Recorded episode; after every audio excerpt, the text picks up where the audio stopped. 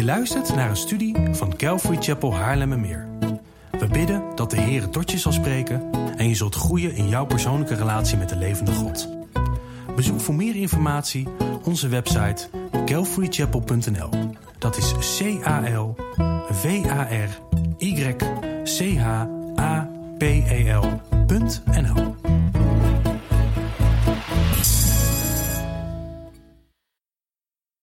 De Fariseeën, dat waren religieuze leiders in de tijd van Jezus, die wilden niet geloven dat Jezus de lang verwachte Messias is.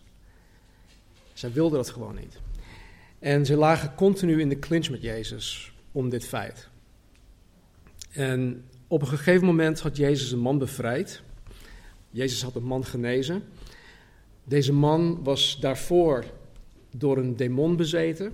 Hij was blind, hij kon niet spreken, maar goed, Jezus bevrijdde hem en Jezus genas hem. En toen dit gebeurde, beschuldigde de fariseeën Jezus ervan dat hij door de kracht van de Satan deze dingen had gedaan. Dus zij kenden de kracht niet aan God toe, maar aan de duivel. Wat absurd is, en Jezus ja, legde dat dan ook uit. En nadat Jezus deze religieuze leiders had terechtgewezen, zei Jezus dit tegen hen. Matthäus 12, vers 34 en 35. Hij zegt, o jullie adders, slangen, of adderengebroed. Hoe kunt u, die slecht bent, iets goed zeggen? Want waar het hart vol van is, daar loopt de mond van over. Iemand die goed is, haalt uit zijn goede voorraadkamer goede dingen tevoorschijn. Iemand die slecht is, haalt uit zijn slechte voorraadkamer slechte dingen tevoorschijn. Hun probleem was hun hart. Ze hadden een hartprobleem. Zij wilden pertinent niet geloven dat Jezus de Messias is. Want wel in Jezus te geloven had grote gevolgen voor hun bestaan. En wat in hun hart leefde, kwam onder andere, dus, onder andere dus, dus tot uiting in de dingen die zij uitspraken. En waar het mij vanmorgen vooral om gaat in dit, in dit schriftgedeelte, is dit. Waar het hart van vol is, daar loopt de mond van over. Als je, als je hier goed over nadenkt, als je er gewoon bij stilstaat, in, in alle rust, is dit zeer confronterend. Waar het hart van vol, van is, daar loopt de mond van over. Het is voor mij in ieder geval heel erg confronterend, want als je stilstaat bij, bij sommige dingen die uit je mond komen, als je in sommige situaties naar jezelf luistert, dan kan je je best wel gaan schamen. In ieder geval, ik, ik wel. Ik heb afgelopen week nog een, een best wel een, een ja, ik wil niet zeggen een rotweek gehad, maar ik heb wel momenten gehad dat ik heel lelijk deed tegen Marnie. En dat zijn gewoon dingen die dan in je opkomen op, op zulke momenten waar je dus niet waakzaam bent en, en dan vloep je iets eruit wat je eigenlijk niet eruit hoort of wil vloepen. En dit is dan toch echt iets waar wij als Godskinderen iets mee moeten. En ik geloof dat wij vanmorgen in Spreuken 4 gaan lezen. Uh, wat wij in, voor, in Spreuken 4 gaan lezen, dat, dat dat ons nog duidelijker, duidelijker zal gaan maken dat wij dit niet langer op zijn beloop kunnen laten gaan. Dus als je Bijbel bij je hebt, sla je Bijbel open op Spreuken hoofdstuk 4. En we gaan het hele hoofdstuk gewoon vanmorgen door, doorheen uh, uh, doorlopen. Um, trouwens, aanstaande zondag en dan de zondag daarop ben ik voor het laatst, 3 maart. En dan gaan Marnie en ik naar de States toe. Maar de aanstaande, de, twee zondagen wil ik dan hoofdstuk 5, 6 en 7 met elkaar behandelen. Dus dat zijn drie hoofdstukken, dat je alvast vooruit lezen, hoofdstuk 5, 6 en 7. En dan wil ik je vragen om, om op te letten naar het thema van die drie hoofdstukken. Wat springt er uit, uit die drie hoofdstukken? En met die gedachte moet je dan volgende week en de week daarop hier naartoe komen. Oké, vers 1. Luister kinderen naar de vermaning van je vader. Sla er acht op om inzicht te leren kennen. Want ik geef jullie een goede les. Verlaat mijn onderricht niet. Tot zover. Waar Salomo voorheen op andere plekken uh, nadrukkelijk zijn zoon Rehabeam toespreekt, zegt Salomo hier nu gewoon luister kinderen. Of in het Hebreeuws staat er letter luister zonen. En ondanks dat de Bijbel alleen deze Rehabeam als zoon noemt, kan het heel goed zijn dat Salomo meerdere zoons verwekt had. Want in 1 Koningen hoofdstuk 11 staat dat Salomo, geen wijze set van hem trouwens, dat hij 700 vrouwen had en 300 bijvrouwen. Dus het kan heel goed zijn dat hij meerdere kinderen had verwekt. Dus niet alleen uh, met, zijn, met zijn echte vrouw. Dus hij zegt: luister kinderen. En Salomo kan zeggen: luister kinderen, omdat hij zeker is van de opvoeding van zijn kinderen. Hij, hij staat heel zeker in hoe hij zijn kinderen opvoedt. Hij is zeker van zijn vermaning, van zijn onderricht, omdat hij zijn wijsheid van God heeft gekregen. Dus hoe hij zijn kinderen heeft opgevoed, dat heeft hij rechtstreeks gewoon van God gekregen. En daarom kan hij zeggen: luister. En hoe waardevol zou het dan zijn als wij, als, als ouders of als grootouders, zo zeker zouden kunnen zijn van datgene dat wij aan onze kinderen en kleinkinderen meegeven. En dat ook wij met zekerheid en vol vertrouwen kunnen zeggen: luister kinderen, want ik geef jullie goed onderricht. Salomo laat ons hier ook zien dat de opvoeding van onze kinderen thuis moet gebeuren. Onze kinderen horen thuis opgevoed te worden. Wij moeten het niet van de scholen verwachten, of van de naschoolse opvang, of van de buitenschoolse opvang, of ook niet van de zondagschool hier. Nee, de opvoeding vindt thuis plaats. Het is als eerste de verantwoordelijkheid van de ouders om hun kinderen in het woord van God en in de vrezen Gods op te voeden. Hierover zei Mozes in Deuteronomium 4 dit. U moet ze uw kinderen en kleinkinderen bekendmaken. Hij, hij sprak over de geboden van God. U moet ze uw kinderen en kleinkinderen bekendmaken. In Deuteronomium 6 vers 7 zegt, zegt God dit tegen, tegen hen. Hij zegt, u moet ze uw kinderen inprenten en erover spreken. Als u in uw huis zit en als u over de weg gaat, als u neerlegt en als u opstaat. De opvoeding in de vrezen Gods en in de wijsheid Gods gebeurt dus thuis. Het gebeurt thuis. Wanneer je aan tafel zit, wanneer je op de bank zit, wanneer je dingen met je kids doet, wanneer je aan het werk bent, als, je, als je thuis aan het klussen bent en je kinderen die rennen om je heen. Eh, maak van alles gewoon een les. Ik deed het ook altijd met, met onze vier meiden, tot, tot hun ergernis aan toe soms, denk ik. Maar er zat overal wel een, een, een les in. En ik buiten gewoon echt alles uit om die lessen aan hen over te brengen. Als je onderweg bent, wanneer je gaat slapen en bij het opstaan. En ik denk dat dat ook hoort bij wat wij als christenen horen te doen, en dat is discipelen maken. Discipelen maken, discipelschap, begint eigenlijk bij ons thuis, met onze kinderen en met onze kleinkinderen. Dus laten we ons eigen leven dusdanig inrichten. En laten wij ons geestelijke wandel met Jezus Christus dusdanig sterk maken, zodat ook wij tegen onze kinderen kunnen zeggen, en met zekerheid kunnen zeggen: luister kinderen, wat, wat, want wat ik geef is goed, in, uh, is goed onderricht. Vers 3, want ik was een zoon voor mijn vader, zegt Salomo. Onervaren of teder en een enig kind voor mijn moeder. Salomo schrijft dat hij een zoon voor zijn vader, koning David, was.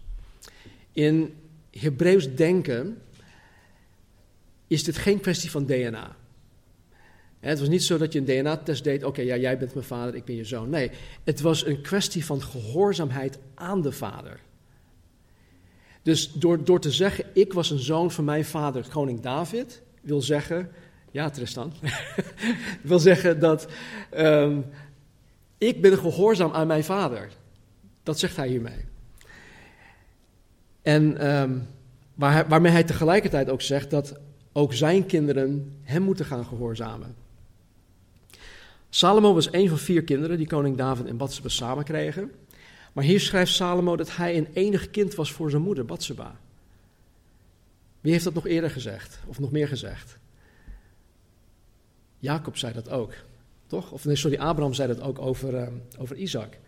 Abraham had, had, ook meerdere zoons, maar toch wordt Isaac zijn enige zoon genoemd waar, uh, van, vanwege zijn unieke plaats. En hiermee zegt Salomo dus dat hij een unieke relatie met zijn moeder had. Waar koning David echt een, een, een ruige uh, strijder was, die in de open lucht opgroeide, Was Salomo meer een, een, een moederskindje die in het comfort van zijn thuis of van het koninklijk, koninklijk paleis opgroeide? Maar desalniettemin onderwees koning David hem van ganser harte. Vers 4 en 5. Hij onderwees mij en zei tegen mij: Laat je hart mijn woorden vasthouden. Neem mijn geboden in acht en leef.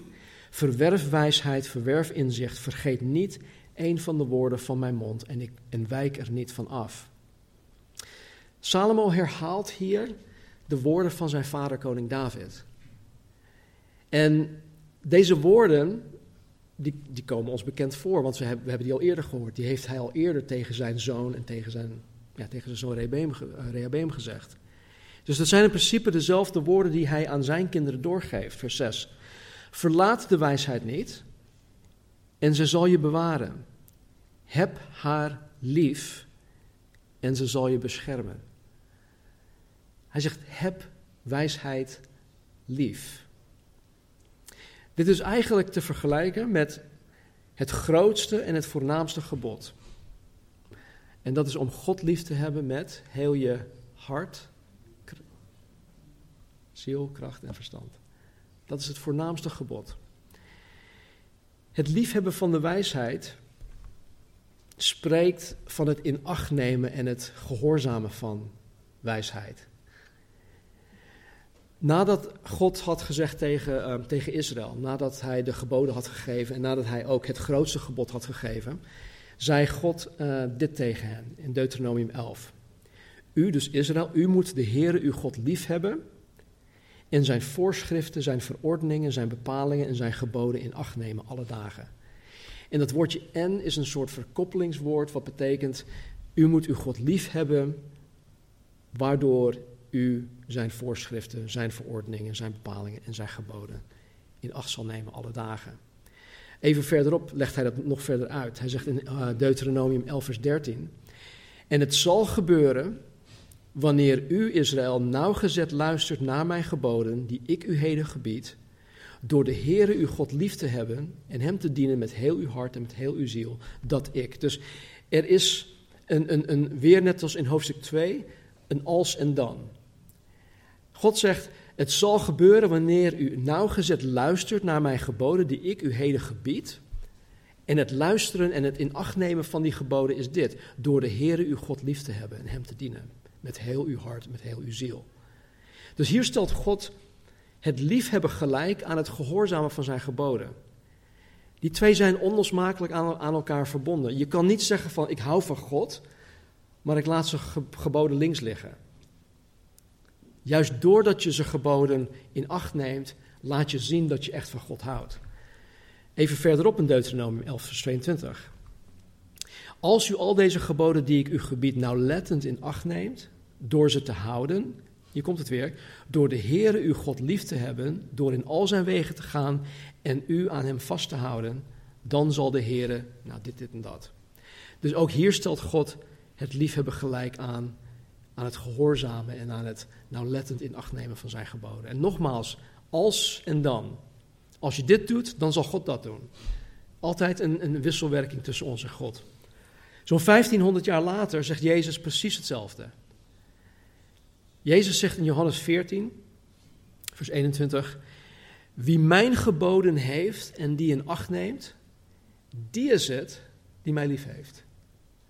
Dus nogmaals, wie mijn geboden heeft en die in acht neemt, die is het die mij lief heeft. Precies dezelfde woorden als die God aan Israël had gegeven. Even later in uh, de brief van 1 Johannes zegt Johannes dit. Dit is de liefde tot God, dat wij zijn geboden in acht nemen. Met andere woorden, als jij beweert God lief te hebben, dan hou jij zijn geboden, of dan neem jij zijn geboden gewoon in acht. Zo simpel ligt dat. En ik haal dit aan om aan te geven dat het liefhebben van, van de wijsheid gelijk is aan het gehoorzamen van de wijsheid. Want dat, dat leert Salomo ons hier. Dat, leert koning, dat leerde koning David Salomo en Salomo leert ons, leert ons dat ook. En weet je, dit is eigenlijk heel logisch. Want je kan niemand per definitie gebieden om lief te hebben. Jullie die getrouwd zijn, het is niet zo dat uh, één, één persoon tegen de andere persoon heeft gezegd van, en jij gaat mij nu lief hebben, ik gebied het je. Dat werkt niet. Dus het gebod om, om God lief te hebben met heel je hart, ziel, kracht en verstand, dat, dat, dat kan niet zonder dat God tegelijkertijd zegt, je houdt mijn, of je neemt mijn geboden in acht. Je doet wat ik van je vraag. En dat is een hele rare ehm, eh, relatie, want Jezus zegt ook later in het hoofdstuk, in hoofdstuk 14 of 15, zegt hij, jullie zijn mijn vrienden wanneer jullie doen wat ik zeg. Ja, zo'n vriend, zulke vrienden heb ik hier niet op aarde. Dan zeg ik, nou, toedeledokie. Of als ik dat aan iemand, van iemand vereis, dan, dan zeggen ze precies hetzelfde. Maar alleen Jezus kan dat zeggen, omdat hij, omdat hij God is. Dus het liefhebben van God, het liefhebben van de wijsheid betekent gewoon dat wij doen wat de wijsheid van ons vraagt. Vers 7 tot en met 9. Het beginsel van wijsheid is, verwerf wijsheid. En bij alles wat je verwerft, verwerft inzicht. Houd haar hoog en ze zal je verheffen. Ze zal jou vereren als je haar omhelst. Ze zal je hoofd een bevallige krans geven, jou een sierlijke kroon schenken. Het beginsel van wijsheid is: verwerf wijsheid. Dat wil zeggen dat het een, een keus vereist. Je moet een keus maken. De wijsheid komt niet zomaar aanwaaien. Je moet een, een bewuste keus maken om de wijsheid na te jagen. En het verwerven van inzicht, dat klinkt misschien als hetzelfde, is het ook enigszins, maar het verwerven van inzicht is, is meer dan alleen het krijgen van kennis. Bijvoorbeeld, als wij hier in de gemeente, als broers en zussen, als wij in deze kerk in kennis worden gesteld dat een, een andere broer, zeg maar, een christenman, ontrouw is aan zijn vrouw, dan is de kennis daarvan belangrijk. Het is belangrijk dat wij dat weten, hè, want God heeft het uiteindelijk tot het licht gebracht. Maar het is inzicht dat ons helpt om hier op de juiste manier mee om te gaan. De, de hoe, de, de waar en de wanneer wij met het echtpaar, echtpaar gaan praten en wat wij gaan vragen en wat wij gaan zeggen, dat is wat inzicht ons geeft. Dus kennis laat ons weten dat het gebeurt en inzicht laat ons weten hoe wij daarmee op een goddelijke manier om horen te gaan. Kijk, soms is, is, is de letter van het woord van God, het, het is gewoon heel duidelijk. Maar soms hebben wij alsnog de leiding van de Heilige Geest nodig om, om daar goed mee om te kunnen gaan. Ja, ik kan met, met de Bijbel komen, ja, maar het staat hier en ik kan mensen om de oren slaan met het woord van God, maar dat, dat, dat wil God niet. God wil dat wij vanuit onze relatie met God fijngevoelig zijn voor zijn leiding. Want hij, hij weet veel meer dan dat wij weten. Hij ziet veel meer dan dat wij zien. En hij, hij heeft het, het hele beeld. Hij heeft het compleet plaatje. Wij zien maar een klein, klein onderdeel daarvan. Dus we moeten altijd heel erg nauwkeurig en zorgvuldig met dat soort dingen omgaan. En continu op onze knieën gaan van, heren, wat moeten wij hiermee? Geef ons het inzicht, geef ons wijsheid. En de beloning van het verwerven, van het hooghouden, van het omhelzen van wijsheid en inzicht, is dat zij jou zal verheffen, ze zal jou vereren. Het, het verheven worden, het vereerd worden, het krijgen van een bevallige krans, wat hier staat, een sierlijke kroon krijgen, spreekt allemaal van een publiekelijk aanzien. Het spreekt van een publiekelijk aanzien. Wanneer jij dit naleeft, wanneer wij dit naleven, dan zullen we bekend staan als een wijs mens dan zullen wij bekend staan als iemand die inzicht heeft, iemand die integer is, iemand die betrouwbaar is, iemand die onberispelijk is. En misschien heeft dat op dit moment totaal geen waarde voor die persoon die jou zo ziet. Maar op het moment dat die persoon in jouw leefwereld in de problemen komt, of in de moeite, eh, als, als, als die moeite met bepaalde dingen heeft, relatieproblemen, of als hij in een crisis komt, Waar gaat die persoon naartoe? Dan zal hij zonder twijfel naar jou toe gaan, omdat hij weet, hé, hey, die en die, die zijn betrouwbaar. Die hebben wijsheid, die hebben inzicht. Daar kan ik naartoe om, om, om mijn raad ehm, te halen. En al deze dingen heeft koning David aan zijn zoon Salomo doorgegeven. En nu geeft Salomo deze door aan zijn kinderen. Trouwens, wisten jullie, jullie die, die nu kleine, kleine kinderen aan het opvoeden zijn, of wat grotere kinderen aan het opvoeden zijn, dat jullie tegelijkertijd ook jullie toekomstige kleinkinderen aan het opvoeden zijn? Misschien heb je er nooit over nagedacht.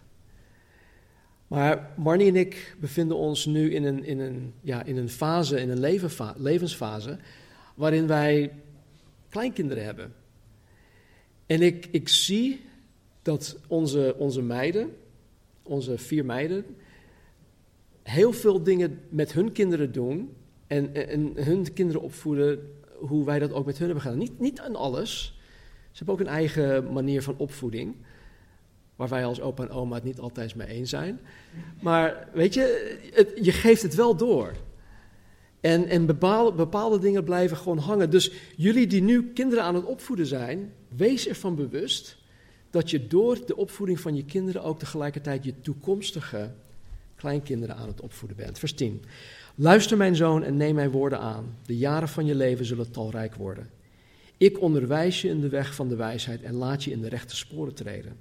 Als je gaat, zul je voetstappen niet belemmerd worden. En als je rent, zul je niet struikelen. struikelen. Het niet belemmerd worden in je voetstappen en het niet struikelen betekent dat de dingen die je onderneemt zullen gaan slagen. Lees Psalm hoofdstuk 1. Hoofdstuk 1. Spreekt van, van, van hetzelfde. Dus je zal gewoon slagen in de dingen die je onderneemt. Je zal dus niet constant en in alles tegenslag meemaken. Je leven zal niet gekenmerkt worden door pech. Er zijn mensen om ons heen die, uh, die dan niet Jezus navolgen, die hebben alleen maar pech. En ik heb zo met hun te doen, dan heb ik zoiets van, oh man, wat heb jij God nodig? Weet je, maar wanneer wij, wanneer wij met God wandelen, wanneer wij deze, deze dingen in acht nemen, dan, dan, zul, dan zal ons leven niet gekenmerkt worden door, door pech. Vers 13 tot en met 19. Houd vast aan de vermaning. Laat niet los. Neem haar in acht, want zij is je leven. Kom niet op het pad van goddelozen en begeef je niet op de weg van kwaaddoeners. Verwerp die, ga die niet op. Wijk daar vanaf en ga voorbij. Ze slapen immers niet als ze geen kwaad hebben gedaan. Ze worden van hun slaap beroofd als zij niet iemand hebben laten struikelen. Want ze eten brood van goddeloosheid en drinken wijn van gewelddaden. Maar het pad van de rechtvaardigen is als een schijnend licht, dat gaandeweg helderder gaat schijnen tot het volledig dag is geworden. De weg van de goddelozen is als donkerheid. Ze weten niet waarover ze struikelen zullen. Ehm, heel kort, hier zien wij het gigantisch groot contrast tussen het leven en de gevolgen van het leven van de rechtvaardigen, die de wijsheid naleven, en de goddelozen die daar niet voor kiezen. Vers 20 en 22. Mijn zoon, sla acht op mijn woorden, neig je oor tot wat ik zeg, laat ze niet wijken van je ogen, bewaar ze in het binnenste van je hart. Ze zijn immers leven voor wie ze vinden en genezing voor heel hun vlees. En dan komt vers 23. Bescherm je hart boven alles wat te behoeden is, want daaruit zijn de, zijn de uitingen van het leven. Dus bescherm je hart boven alles wat te behoeden is, want daaruit zijn de uitingen van het leven. Ik heb gekeken van de week en in heel het Nieuw Testament komt het Grieks woord voor hart meer dan 150 keer voor. In spreuken komt het woord voor hart 100 keer voor. Maar van de 150 keer dat het in het Nieuw Testament voorkomt, wordt het slechts één keer gebruikt om het menselijk orgaan te beschrijven. Die pomp die wij hier hebben. En in spreuken helemaal niet.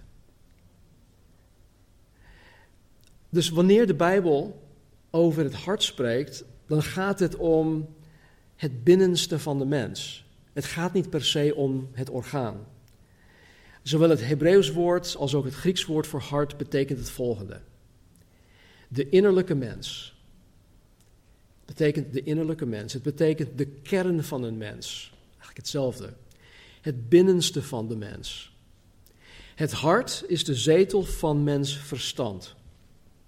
Het hart is de zetel van de wil van een mens. Van begrip. Van zijn of haar geest. Van gevoel, gevoelens, van kennis, van denken, het vermogen om te overdenken. En dan niet in de Lelystadse vorm van overdenken, maar gewoon overdenken. Het is de zetel van ons geheugen, van onze neigingen en, en zin, eh, onze vastberadenheid, voornemens, verlangens, geweten, begeertes, emoties, passies, moed, liefde, genegenheid, streven, karakter, gevoeligheid en gaan zo maar door. Al deze eigenschappen zijn innerlijk. Ze zijn allemaal innerlijk. Het is, het is wie je bent. Soms spreekt de Bijbel over de ziel of de geest van de mens. En in sommige van deze gevallen bedoelt de Bijbel ook gewoon het hart. Het betekent wat ik net heb voorgelezen. Wie wij zijn. En hier in vers 23 schrijft de wijste man die ooit geleefd heeft. om ons hart te beschermen boven alles wat te behoeden is of te beschermen is. Weet je, we zijn tegenwoordig heel goed in het beschermen van zaken. Denk even aan alle vormen van verzekering die jullie hebben. Hoeveel geld jullie daaraan aan uitgeven. Denk aan de sloten op de deuren van je woning of aan een eventueel alarmsysteem. Denk aan de firewall op je internetverbinding of denk aan de beveiligingssoftware op je computer of op je devices.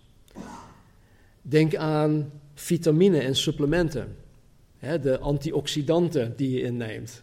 Allemaal ter bescherming van iets. Deze dingen zijn allemaal bedoeld om, om iets te beschermen. Maar Salomo zegt hier dat wij boven alle andere dingen, boven alles wat wij beschermen, onze harten moeten beschermen. Waarom? Waarom is dat zo belangrijk? Nou, wij waren vanmorgen begonnen met de woorden van Jezus in Matthäus 12, vers 34 en 35. Ik zal het nog een keer voorlezen. O jullie others. Hij spreekt hier niet tegen ons, hij spreekt tegen de fariseeën. Hoe kunt u die slecht bent iets goed zeggen? Want waar het hart van vol is, daar loopt de mond van over. Iemand die goed is, haalt uit zijn goede voorraadkamer goede dingen tevoorschijn. Iemand die slecht is, haalt uit zijn slechte voorraadkamer slechte dingen tevoorschijn. Nou, de voorraadkamer waar Jezus over spreekt, is het hart van de mens. De voorraadkamer is het hart van de mens. En alles dat een mens doet of laat, komt voort vanuit deze voorraadkamer. Het hart. En dat is wat Salomo bedoelt met, want daaruit zijn de uitingen van het leven dus alles wat wij doen of laten, alles wat wij zeggen, alles wat we denken, dat, dat komt voort vanuit het hart. Dat zijn de uitingen van het leven. Dus als, als wij als, als christenen wijs willen leven, als wij goddelijk willen leven, als wij Jezus Christus met ons leven willen eren, als wij willen dat Jezus Christus gestalte in ons gaat krijgen, zodat wij in ons binnenste steeds meer op Jezus gaan lijken, dan moeten wij onze voorraadkamer nog beter gaan beschermen en bewaken dan dat bijvoorbeeld een, een farmaceutisch bedrijf hun, um, hun cleanroom beschermt. Weet je of je ooit een cleanroom hebt gezien? Of dat je ooit een cleanroom binnen bent gegaan? Jij misschien wel, uh, Lisette, als laborant, nee? Oké. Op, in, in verschillende sectoren maken ze gebruik van een cleanroom waar er geen enkel stofdeeltje te vinden is. Ze dragen allemaal van die witte pakken en handschoenen. En, en ja, ja, je moet door heel veel dingen. Heel, het is een heel proces om überhaupt binnen te kunnen komen. Maar ze, ze beschermen dat, ze bewaken dat als, alsof ze daar de Fountain of Youth of zo uh, beschermen. En Salomo zegt dat wij onze harten nog beter moeten beschermen dan hoe zij de cleanrooms beschermen, bij, bij wijze van spreken. Wij moeten bewust zijn van waarmee wij onze voorraadkamers bevoorraden. Nog een keer, wij moeten bewust zijn van waarmee wij onze voorraadkamers bevoorraden, van wat wij al zo binnenlaten.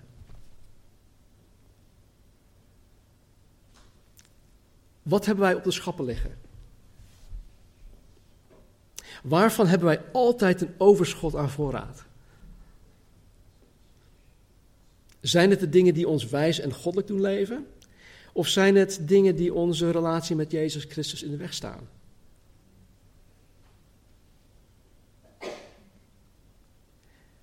Als ik het zelf niet doe, als ik zelf niet het initiatief neem om, om,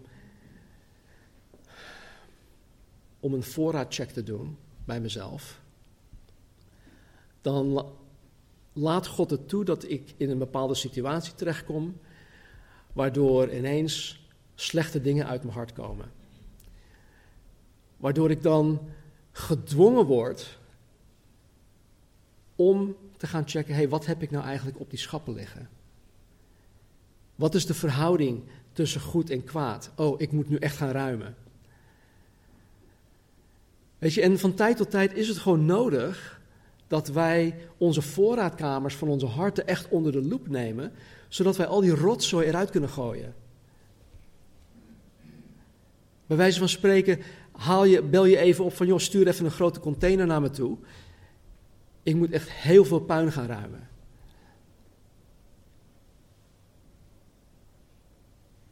Als je het niet zeker, als je, als je het niet zeker weet, dan kan je dat toetsen. Is maar, om één voorbeeld te noemen. Eén voorbeeld om te kunnen toetsen wat er in je hart leeft, is om naar jezelf te gaan luisteren. Luister een keer naar jezelf. En dan bedoel ik niet dat je jezelf gaat opnemen of zo, maar misschien is het ook wel een goed, goed idee. Maar luister gewoon naar wat uit je mond komt. En dan bedoel ik niet op zondagochtend tussen 10 en 12 uur, maar op alle overige tijdstippen. Waar het hart vol van is, daar loopt de mond van over. Iemand die goed is, haalt uit zijn goede voorraadkamer goede dingen tevoorschijn. Iemand die slecht is, haalt uit zijn slechte voorraadkamer slechte dingen tevoorschijn. Nou, iets dat Salomo in zijn tijd persoonlijk nog niet wist, maar God die hem inspireerde om dit te schrijven, die, die wist het wel, was dat het fysieke hart, dus die pomp die wij in onze borst, hebben, het centrum is van het leven van de mens. Het hart, dit orgaan, is het centrum van het leven van de mens. Pas in, in het begin van de 17e eeuw had een zekere William Harvey, een Engelse arts, ontdekt hoe het menselijk bloedvatenstelsel en uh, de bloedsomloop in elkaar zit. Salomo wist dat nog niet. God wist het wel. En hij inspireerde Salomo om, om dit zo te gaan schrijven. Maar deze William Harvey had dus ontdekt hoe het menselijk bloedvatenstelsel in elkaar zit, hoe de bloedsomloop werkt en, en uh, het hart en, en al dat soort dingen, de, de kamers in het hart en wa, waartoe ze dienen. En een zekere bijbelleraar, bijbelleraar Adam Clark uit begin 19e eeuw, die schreef dit hierover. Ik citeer hem. Want uit het hart zijn de uitingen van het leven. Is dit niet een overduidelijke zinspeling op de slagaders die het bloed vanuit het hart naar het hele lichaam en naar haar uiteinden vervoeren? Zolang het hart in staat is om bloed te ontvangen en voort te bewegen, zal het leven voortgaan. Omdat het hart de bron is waaruit alle levensstromen voortvloeien, moet ervoor gezorgd worden dat de bron niet verstopt raakt of verwondt. Dubbele zorg voor haar beveiliging moet gehandhaafd blijven. Dus ook met betrekking tot geestelijke zaken. Het hart is de zetel van de Heere van het leven en glorie. En de geestelijke levensstromen vloeien uit Hem voort naar alle krachten en geestvermogen van de ziel. Waak met alle toewijding om te voorkomen dat deze bron niet afgesloten wordt, waardoor de levensstromen geblokkeerd worden. Einde citaat. Ik vind het zo mooi hè, dat en, en zo indrukwekkend hoe God ons fysiek hard gemaakt heeft. Met verschillende kamers met verschillende voorraadkamers. En dat God dan het fysiek hart en hoe het hart werkt gebruikt om ons duidelijk te maken dat wij de voorraadkamer van ons hart, ons innerlijke mens, moeten beschermen boven alles dat te behoeden is. Want daaruit zijn de uitingen van het leven. Vers 24. Doe weg van jou valsheid van mond. Houd bedrog van lippen ver van je verwijderd. Laat je ogen recht vooruit kijken en je oogleden zich recht voor je houden. Baan het spoor voor je voet en laten al je wegen vaststaan. Wijk niet af naar rechts of naar links. Keer je voet af van het kwade. Laten bidden. Hemelse Vader, dank u wel dat u zo oneindig goed en wijs bent, Heer. Dat u ruim 3500 jaar geleden, Heer, dit aan ons gegeven hebt. En dat u het voorbeeld van het menselijk hart hier ook zo gebruikt om ons te laten zien hoe wij horen te leven. Dat ons hart, ons binnenste, de innerlijke mens, de bron is, heren, waaruit al ons doen en laten, ons denken, ons zeggen en het niet zeggen, hieruit voortvloeit. En dank u dat, dat u ons de, de waarschuwing, Heer, ook de vermaning hebt gegeven om ons hart te beschermen boven alles dat te behoeden is. Heer, doordring ons van de noodzaak van deze waarheid.